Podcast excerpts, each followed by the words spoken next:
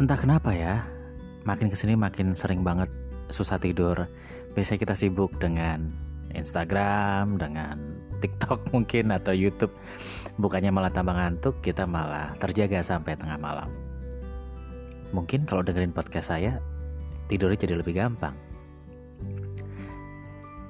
Yuk, nanti kita ngobrol tentang hmm, relationship, love life, dreams, masa depan, masa lalu, orang kita sayang, orang yang kita benci, semua hal dari yang kecil sampai besar yang mengganggu pikiran kita.